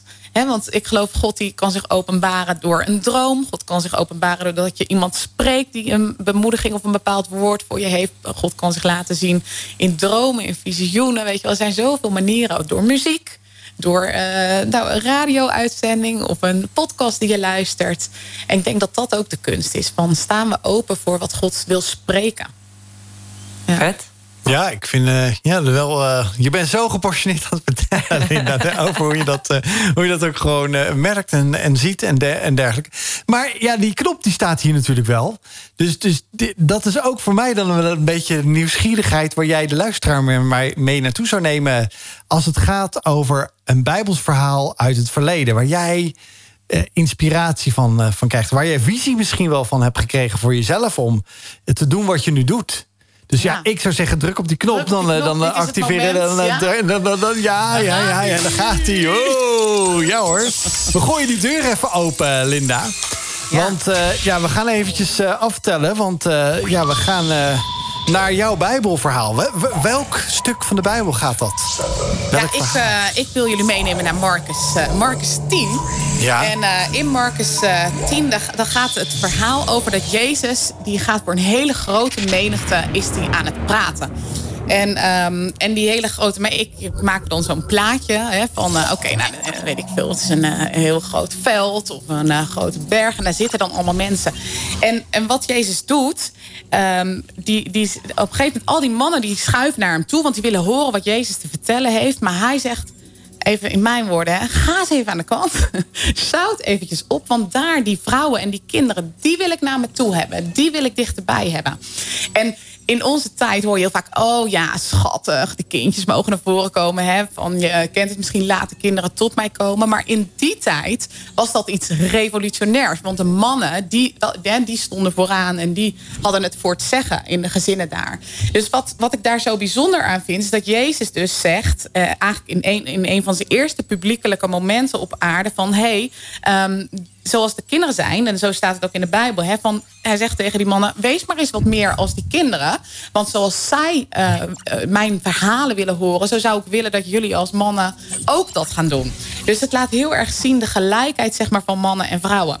En. Um, uh, kijk, eigenlijk was ik op zoek naar het ideale opvoedverhaal in de Bijbel. Hè? Ik dacht van, nou, als, dat is even een eenkoppetje. Kom ik bij, uh, bij FM en dan gaan we het Bijbelse opvoedverhaal. Maar die is er dus niet. Hè? Want het begint al bij Kain en Abel. Nou, als je dat verhaal wel eens hebt gelezen... die slaan elkaar als broers de hersens letterlijk in.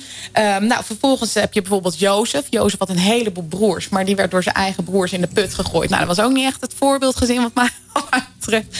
Maar ook Jezus, de moeder van Jezus, Maria... die raakte gewoon haar kind kwijt in de tempel. Nou, dat is ook niet wat we als moeder willen. Ja, die waren onderweg en opeens dacht ze... Huh, ik ben mijn kind kwijt. Even, mijn kind kwijt. Dus, ja. uh, dus eigenlijk wat je ziet is van geen enkel gezin gaat perfect.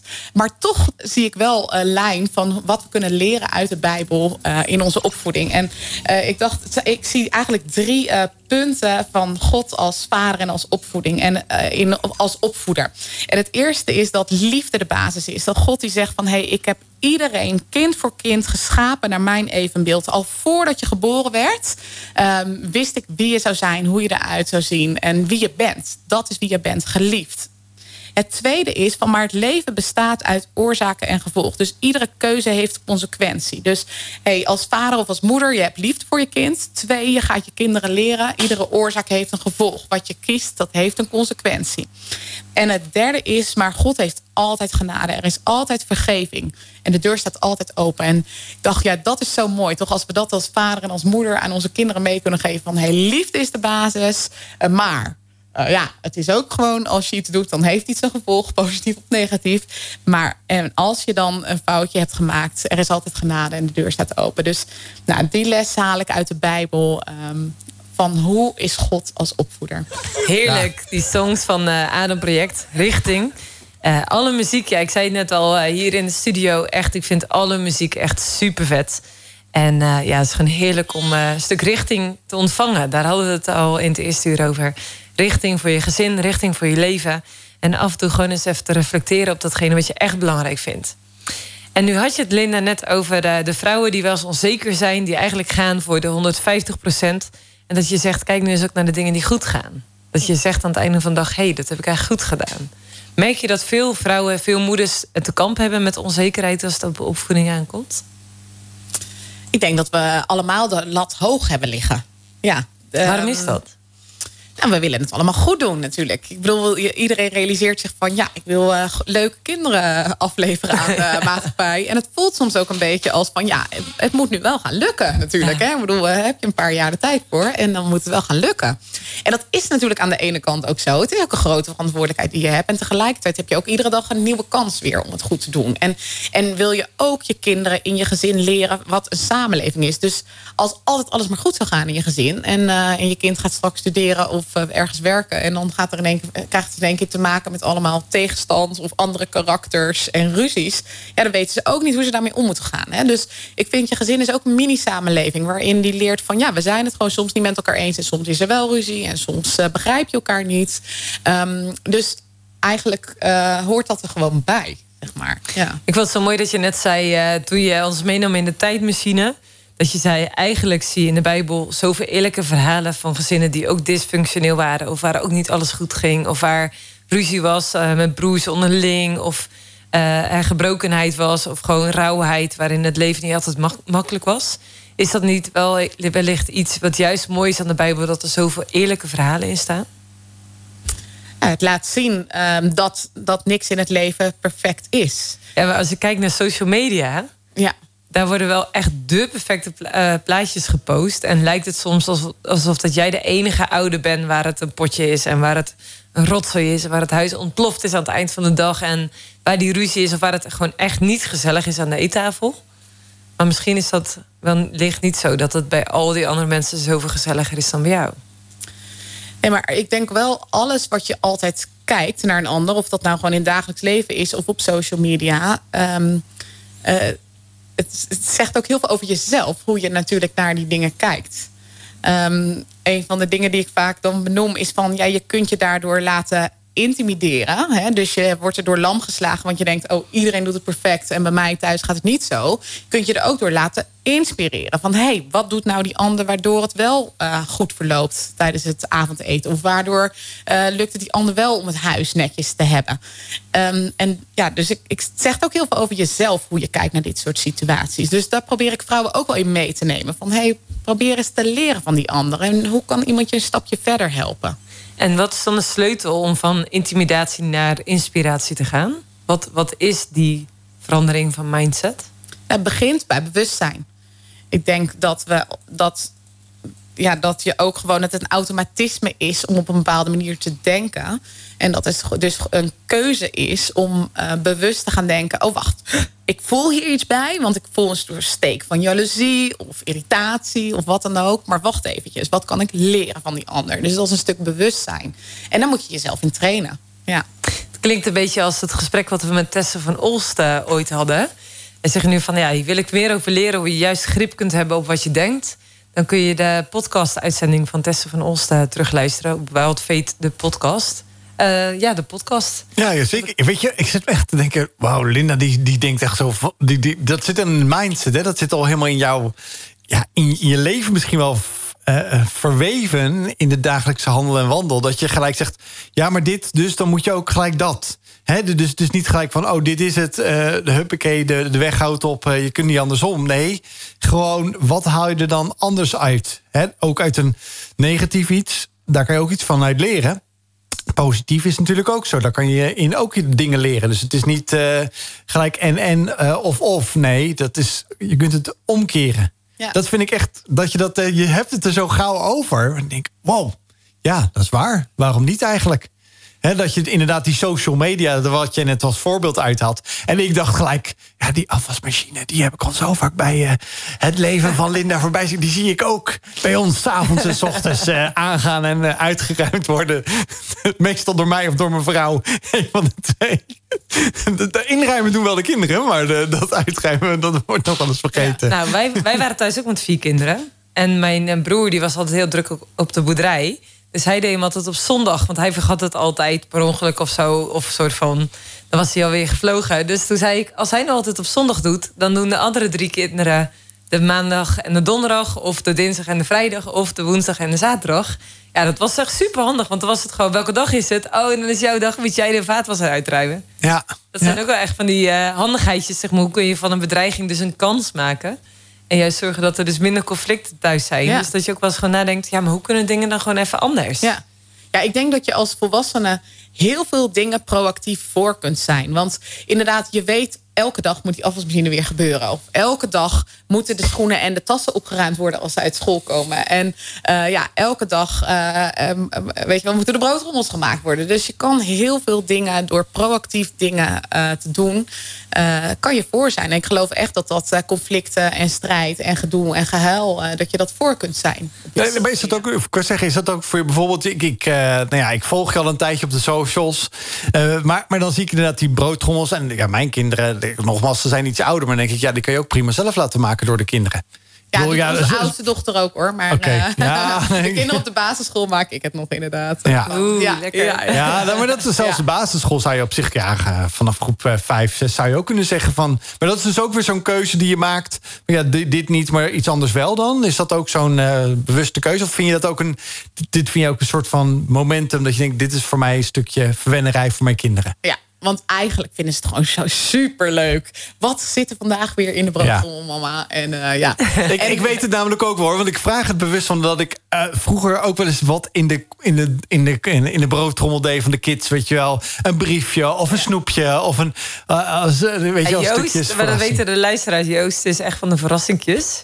Ja, Zeg ja, maar. ja, Dat ja. is- dat is buiten de uitzending. Ja, dus dat is wel mooi. Dat is echt iets wat jij natuurlijk dan ook inbrengt binnen jouw gezin. Ja. Ja, maar dat zijn wel van Dat die, die eh, dat zijn van die kernwaarden. En dat weten ze ook wel een beetje. Weet je, dat je dan in één keer. eh, Het moet niet aangezien komen. Oh, eh, vast als we dit gaan doen. Oh, dan gaat papa vast dit doen. Nee, dat zijn echt dan inderdaad die, eh, die spontane dingen. Het is niet spontaan, want het is vaker wel bij mezelf bedacht. Eh, sommige gevallen overleg met, eh, met, met mijn vrouw. Want ja, dan eh, gaat het soms ook over, over financiële dingen. En wat voor soort verrassingen dan? Ben wel benieuwd. Ja, gewoon eh, bijvoorbeeld dat je zegt... eh, ja, dan kom ik thuis, zeg ik... eh, eh, de, de, de rust, de- de- we gaan uit eten vanavond. Oh ja, ja. Ja, maar... Ja, weet je wel, van Ja. eh, nou, we gaan het gewoon doen. Weet je, Ja. dat is dan omdat je. En dan is het niet omdat er misschien iets te vinden, eh, vieren is, maar nou ja, financieel Gewoon, is er eh, soms een beetje ja. ruimte. En dat je dan denkt van, nou, dat, dat, dat- en dat is ook soms, dan kom je juist in een leuk gesprek in het restaurant van, eh, ja, weet je, het is ook een beetje verdienste voor jullie, want het gaat goed op school, of er zijn mooie dingen gebeurd, of het, het, het gaat rustig, er is geen ruzie of zo gemaakt al maanden niet. Nou, Ja. nou, dat zijn dingen die gewoon gebeuren, maar wel gewoon van dat ze zeggen van, ja, leuk eigenlijk. Ja, dat is bijzonder, zo samen met elkaar optrekken. Dat, is wel denk ik een leuk, want- kernwaarde. Ja. Ja. want jij ging vorige week, Linda, met eh, een van je kinderen eh, shoppen. Ik ging gisteren uh, onverwachts mijn neefje uit school halen. En ik zeg tegen hem, kom, we gaan op het terrasje een ijsje eten. Nou, hij heeft echt zo... Hij zat er helemaal onder heerlijk zitten smikkelen. Eh, maar soms zijn die spontane momentjes Ja. van één op één... eh, eh, de verrassingen die je dan hebt... ook gewoon echt de momenten dat je herinneringen bouwt. En volgens mij was dat ook een van de dingen... die bij jullie heel erg terugkwam, ook in de... eh waar doen ze het van in de productie? Was van, ja, we willen juist ook herinneringen bouwen... en daar ook echt in investeren. Ja. Dus eh, ja, voor Joost is dat dan in verrassingjes... en voor jullie is dat dan ook echt in bewuste keuzes... die jullie daarin maken. Ja. Gewoon de vraag van, wat vind je dan eigenlijk belangrijk? Ja. ja, en als je eh, nu aan, aan willekeurig iemand vraagt... van wat herinner je je nou van je opvoeding? Ja, dan zijn dat vaak helemaal niet de gewone dingen op een dag... maar juist die of de extreem positieve dingen of de extreem negatieve dingen. Dus dat making memories inderdaad, de dingen onvergetelijk bijzonder maken... ja, dat is denk ik wel eh, iets heel moois wat je met je gezin kunt doen. Born to be free. Wake me up, I'm still dreaming. You helped me find my freedom. Lost in a twilight zone. You showed this heart a home. The reflection in my mirror. Your words made much clearer. My image once so blurry. You somehow call me. Shrouded in these furies of lies, telling me that I'm still disguised. I'm losing my once clear mind. Can you help me find my true self, my true call? A friend's hand that'll catch my fall. The city where we once crawled. We'll rise above it all. On rooftops, we'll be looking down for those who's next to fit the crown. Forgotten kids that have now been found. Plant seeds in the ground. Wish that one day you'll grow up like me. Finding hope in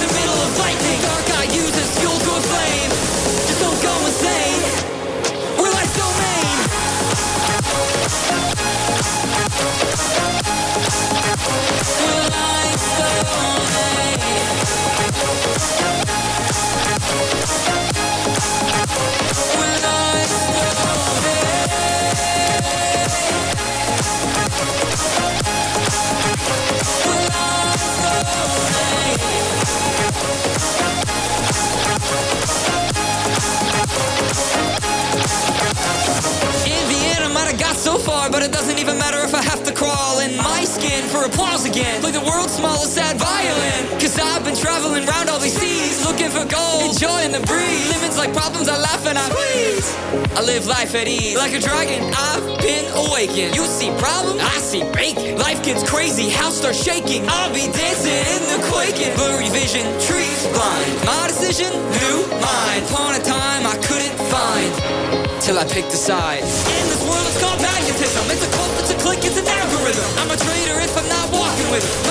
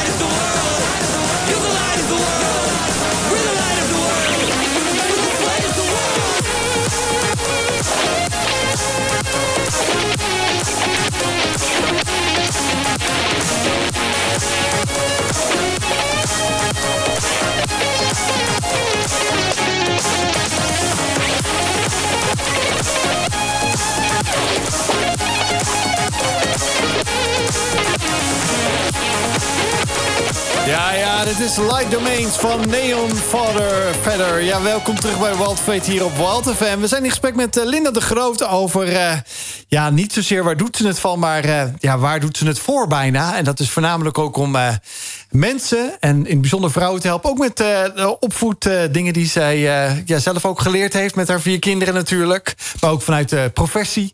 En daarnaast eh, ja, zijn ze erg betrokken bij eh, onder andere de Doorbrekers. Eh, dat is een kerkelijke gemeente die eh, in Barneveld zit... maar ook hier eh, in het M-Space waar eh, Wild Fate eh, de radioprogramma's vandaan maakt bij Wild FM.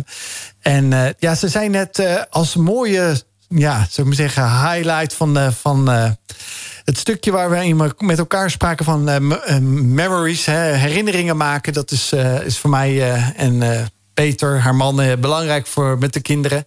En ik, dat gaat dan gelijk door me heen. Hè. Ze zegt ja vaak van, wat onthoud je nou zelf van je eigen opvoeding. Dat zijn vaak echt de uiterste. Gek genoeg gezegd. Niet eh, dat je eh, eh, een nieuwe broek kreeg of nieuwe schoenen... maar meer van het, het uitje of misschien wel de ruzie... of misschien wel het, de vakantie die je hebt gehad... of het contact met je broer of zus. als dat ja, gewoon ook goed verlopen is. Want ook daarin hoor je natuurlijk veel verschillende dingen... denk ik ook misschien ook wel terug van jou, vanuit jouw werk wat je doet, Linda. Maar daar wil je ook graag gewoon in bijdragen. Hè? Onder andere met de webinars die jij eh, houdt, eh, geeft. En ik weet niet eens of ze gratis zijn, maar in ieder geval, je hebt er gisteren een gratis eentje ge- weggegeven eigenlijk. Klopt, Daar ja. stop je veel tijd en energie in. Want Ja. dat eh, zie je soms ook een klein tipje van die sluier op de socials, dat je daarin aan het werk bent. Ja, En, en wat, zijn de, wat zijn bijvoorbeeld de dingen die je gisteren hebt besproken? De webinar van gisteren ging over hoe ga je nou met een vliegende start het eh, nieuwe schooljaar in. En eh, want eh, ik denk dat iedere ouder dat wel herkent, dat die overgang zowel van school naar de vakantie als van de vakantie naar weer naar school, dat is er even één om, om te wennen. En ehm, eh, kijk, dat heb ik zelf net zo goed, hè? Want je zit weer van, oh ja, nou en je moet vroeg uit bed. Nou, we zijn allemaal gewend om uit te slapen. Nou, als je te weinig slaap hebt, word je zo gereinigd en huilerig. Maar ja, je wilt eigenlijk allemaal je kinderen gezellig de deur uit hebben. Hoe doe je dat dan, zeg maar? En, ehm, en ik dacht, ik ga gewoon eens eventjes allemaal dingetjes verzamelen. Hoe ik in elk geval eh, dat in de loop der jaren voor mezelf eigen heb gemaakt. En eh, mijn kennis daarover te delen. En dat heb ik in die webinar gestopt. En ehm, ja, ik, heb eigenlijk drie fases ontdekt eh, in de opvoeding eh, waar je doorheen gaat. En ik had het daar aan het begin van de uitzending al even over. Over die opvoedingscirkel. Van dat je dus een visie hebt. en dat je vervolgens allemaal tools hebt waar je de opvoeding mee doet. En vervolgens moet je dat implementeren en er een balans in vinden. En dat zijn eigenlijk de drie fases waar je doorheen loopt. En hoe doe je dat dan? En als je het eigenlijk heel vaak is het ook zo, als je op een gegeven moment denkt: Oh, nou, nu loopt het wel lekker. Hè? Dan, uh, nou, dat kan je soms ook hebben. Hè? Dat je, nou, loopt het wel lekker. Soms en dan, duurt het gevoel maar even. Ja, dan is het even en dan gebeurt er weer wat, weet je wel. En dan moet je dus weer resetten. Maar waar ga je dan naartoe resetten? Ja, dus naar die stap 1, namelijk die visie. Nou, en zo circuleer je steeds in rondjes. Nou, en tijdens uh, de webinar is daar, dat waar ik uh, moeders mee aan de hand neem. Van oké, okay, nou, we zitten dus in die cirkel. Maar wat kan je in die cirkel nou voor jezelf helder krijgen en uh, verbeteren? Wat zijn kleine praktische tips en tricks die je toe kunt passen om ervoor te zorgen dat dingen vloeiender verlopen, zodat je en minder stress hebt, want uh, vaak is tijd dood en stress, maar waardoor je dus ook trotser en zelfverzekerder op jezelf kunt zijn. Ja. En als je één tip deelt van jezelf, wat heb je dan zelf ontdekt? Ja, die proactieve houding, uh, dat ik als volwassene heb meer overzicht op de tijd dan mijn kinderen. Dus als ik bepaalde dingen niet voor ben, ja, ik kan niet van hun verwachten dat ze bepaalde dingen weten. Um, dus uh, ik weet, ja, om acht uur moeten we zo'n beetje de fiets op gaan om op tijd op school te komen. Maar mijn kinderen gaan echt niet om acht uur bedenken van, oh wacht, laten we dan van, van tevoren al onze schoenen aandoen, onze tas pakken, onze jas pakken. Ik bedoel, dat moet ik als volwassene bedenken. En je kan heel snel denken, snapt een kind toch wel? Nee, dat snappen ze dus niet. Dus, um, dus ik bereid eigenlijk de ochtend bij mij best wel uh, ja, een repeterend uh, ritme, zeg maar. Waarbij ik er dus voor zorg dat de broodrommels klaar zijn. Zodat als ik ze wakker maak, dat ik dan ook echt de tijd voor ze heb. Uh, nou, van de week, ik bedoel, bij mij ook, als ze uh, slaapgebrek hebben, ja, dan worden ze huilerig. Maar doordat ik ruim voldoende tijd inplan, s ochtends, kan ik dan, kan, heb ik dan even de tijd om te knuffelen, om mijn kind gerust te stellen. Om eventjes te zeggen, joh, wat kan ik nu voor je doen? Hè? En, en, waardoor ik niet gelijk in de tijdnood en de stress zit. Dus uh, voor mij is proactief zijn wel echt een hele belangrijke sleutel om geen stress te ervaren. Maar dat klinkt als zijn dat je zelf vroeger uit bed gaat dan de kinderen. Ja, ja dat En dan ben je ook, zelf ja. al helemaal klaar. Ja. En ja. je hebt al dingen voorbereid voor de kinderen voordat je ze, ze hun gaat wakker maken. Ja. En dat vind ik zelf dus heel erg lekker. en, um, en dan dan vragen mensen, ja, ben je dan een ochtendmens? Ja, ben je dan een ochtendmens? Ik denk dat ik mezelf een ochtendmens heb gemaakt. Ja. Omdat ik, als ik uh, tegelijkertijd met mijn kinderen wakker word... en me aan moet kleden en dan nog alles moet fixen... dat ik dan gewoon merkte van... ja, maar uh, dan krijgen we het niet voor elkaar. En weet je wat, wat je dan gaat doen? Dan ga je steeds zeggen, schiet nou eens op. Heb je nou nog niet dit gedaan? Heb je nou nog niet dat gedaan? Ik bedoel, dat hoor ik mezelf ook zeggen dan. Hè? Ja. En dat is niet wat ik wil. Dat is niet de moeder die ik wil zijn. Ik wil gewoon dat ze denken... oh, we gaan lekker de deur uit. Het is een goed begin van de dag. En uh, de sfeer was goed. Dus ook soms door te ontdekken wat je niet wilt... ga je een manier creëren waarop je het wel wilt. Ja, je, hebt het uh, nu ook uh, de echte praktische kant. Want je zei net ook hoe belangrijk de kerkelijke ja, inhoud ook van, van jullie leven is. Hè? Dat, je zegt zelfs van ja, daar hebben we ook alle inzichten in gegeven. Uh, in welk opzicht zeg jij van daar komt geloof, ons christelijk geloof, ook in die, nou ja, in die opvoeding terug? In welk, nou, welk hoogtepunt of welk punt voor jezelf kies je daar dan uit? Ja, voor ons is de christelijke opvoeding iets wat eigenlijk um, als een rode uh, draad door ons leven uh, loopt. Dus ik zou, uh, als je nou mij zou vragen van wat zijn nou echt de christelijke momenten op de dag, dat is niet van oh we lezen standaard Bijbel na het avondeten of we doen standaard dit of dat in de week. Um, wij geloven in, we hebben een relatie met God die is continu met en bij ons en dat is onderwerp van gesprek in alles wat we doen. Dus um, weet ik veel, als een van mijn kinderen een schaafwond heeft en er komt een nieuwe huid op. Uh, toevallig had mijn dochter dat nog, die had hier een hele diepe kras op de arm. En dan zei oh vet hè, er komt er weer helemaal nieuwe huid op. Ja, hoe bijzonder is dat hè, dat God dat zo heeft gemaakt... dat er weer allemaal celletjes komen en uh, jij krijgt een nieuwe huid, weet je wel. Um, of nou, zoals dan van de week mijn dochter heel verdrietig is... want ze is gewoon heel erg moe. En dan zeg ik, wat zou je nu helpen? Ik weet het niet. Zullen we bidden, weet je wel? Zullen we bidden, want de God is bij je... dat hij je nu rust geeft. En weet je wel, eventjes dat moment pakken. En ja, zo is ja, God verweven met wie we zijn en wat we doen. Mooi dat je dat ook zo, uh, zo uh, ja, betrekt, ook in, uh, in gewoon eigenlijk het dagelijks leven. Dus, dus ook in het rijlen en zeilen van het gezin. Ja, absoluut. En dat ja. hoort ook bij die cirkel voor jezelf ook. Voor, voor jullie. Ik, nou ja, bij ons is het ook onderdeel van onze visie. Omdat ja. we, ons fundament is onze relatie met God. Um, daar vanuit ontstaat alles. Ik bedoel, we, we zijn gemaakt door God. We hebben gaven en talenten gekregen van hem. En die willen we ontplooien. Die willen we ontwikkelen in onze kinderen. Dus ook als we het dus hebben over... Uh, een van onze kinderen kan echt super mooi tekenen wauw, God heeft jou echt een talent gegeven voor tekenen. En dan zegt een ander, nou, dat kan ik echt helemaal niet. Nee, maar jij kan weer heel goed ratslagen maken, weet je wel. En weer een ander. Zo van, God heeft iedereen andere gaven en talenten gegeven. Niemand is hetzelfde, iedereen is uniek. Nou, en dan, dan pak je natuurlijk al een heel belangrijk aspect van het christelijk geloof. En nu ben ik enorm benieuwd waar ooit dat vlammetje, die passie voor jou voor het christelijk geloof voor God is gaan branden. Maar we gaan eerst even luisteren naar muziek en dan ben ik echt reuze benieuwd. Welkom terug bij Walt Veet hier op Walt FM. We zijn uh, live in de studio met uh, Linda de Groot. En uh, ja, ze heeft al heel veel verteld over opvoedingstips die we hebben gekregen. En daarnaast ook ja, andere handige dingen. Maar ook vooral de drijvende passie die ze heeft voor, ja, voor, voor moeders om daarin te helpen. Maar ja, Marije die zei ook van ja, ooit is er een vlammetje gaan branden dat je dacht van hier wil ik wat mee. Linda. Ja, met die uh, moeders en kinderen. Nou, ja. Echt met kinderen en tieners. Ik, um, ik weet dat, uh, en dan zit je op de middelbare school, dan moet je een keuze gaan maken voor het vervolg. Nou, hoe ingewikkeld is dat als je 16, 17 bent, toch? Mm -hmm. en, um, en er waren twee dingen die ik heel erg interessant vond. Dat waren dus kinderen en tieners en um, reizen. Dus ik dacht, nou, ik ga of iets met toerisme doen of iets in de hulpverlening. En, en, en nou, dan heb je het weer over visie ik, letterlijk heb ik gedacht, ja, maar wat wil ik nou eigenlijk met mijn leven? Wil ik mensen helpen in hun luxe of wil ik mensen helpen in hun nood? En daarom koos ik uiteindelijk om uh, de hulpverlening in te gaan. En um, ja, ik heb altijd gedacht met mijn hele studie uh, social work... van nou ja, ik ga iets met die tieners doen. Ik ga of in de jeugdgevangenis werken... of ik ga alsnog naar het buitenland met arme kindjes werken. Of in elk geval, daar wil ik iets mee. Nou, en dan ben ik ook eigenlijk altijd blijven doen. Ik heb in de jeugdzorg gewerkt. Um, verschillende leefgroepen, crisisopvangcentra voor tieners.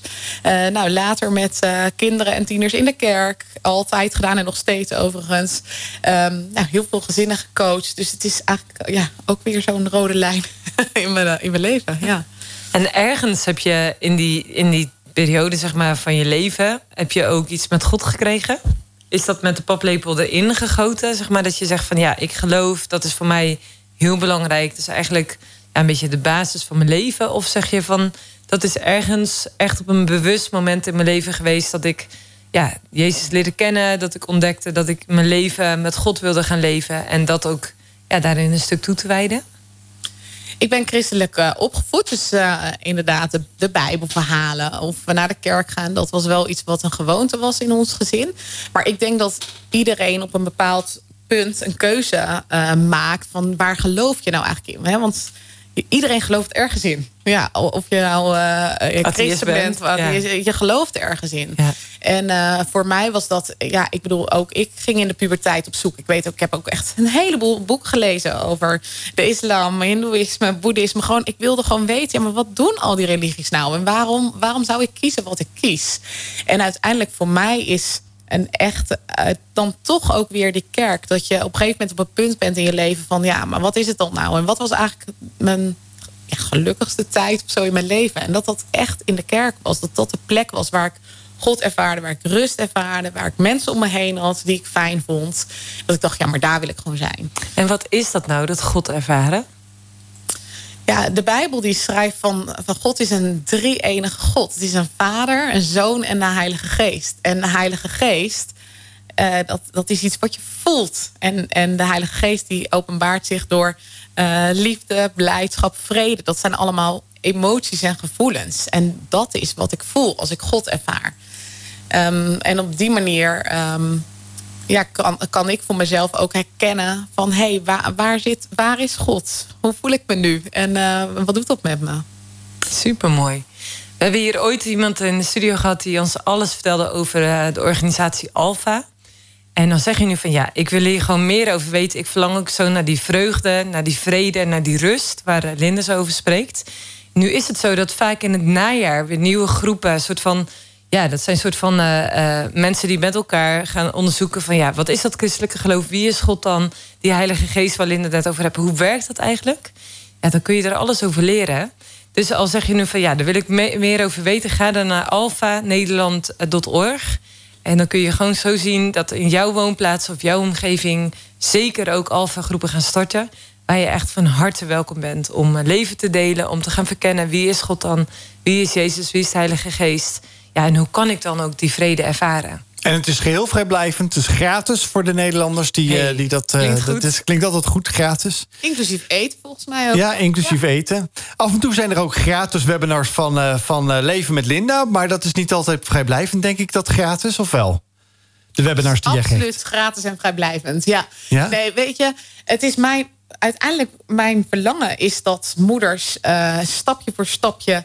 Ehm, trotser en zelfverzekerder worden op wie ze zijn. En als ik ze daar toch een stapje verder mee kan helpen. Ja, hoe gaaf is dat? Ja, dan is mijn, eh, mijn missie toch eh, compleet. Dus de, de gratis webinars die ik geef, eh, maar ook input die ik geef op mijn social media, de video's die ik daarop post, dat is zeker om mensen een, een stap verder te helpen. Maar ik neem ze natuurlijk ook graag mee, echt, echt de laag dieper. Dus ik, heb, ik, ik noem dat het masterplan Doelbewust Opvoeden. Dat is een online eh, opvoedcursus, eh, waarin ik drie maanden echt intensief met de moeders. eh, op pad ga om ze te begeleiden in hoe maak je nou die visie en die kernwaarden. Welke tools zijn er nou toepasbaar voor jou en jouw gezin? En wat past er bij jou als moeder? En ieder kind is ook weer anders. Wat past er bij jouw gezin?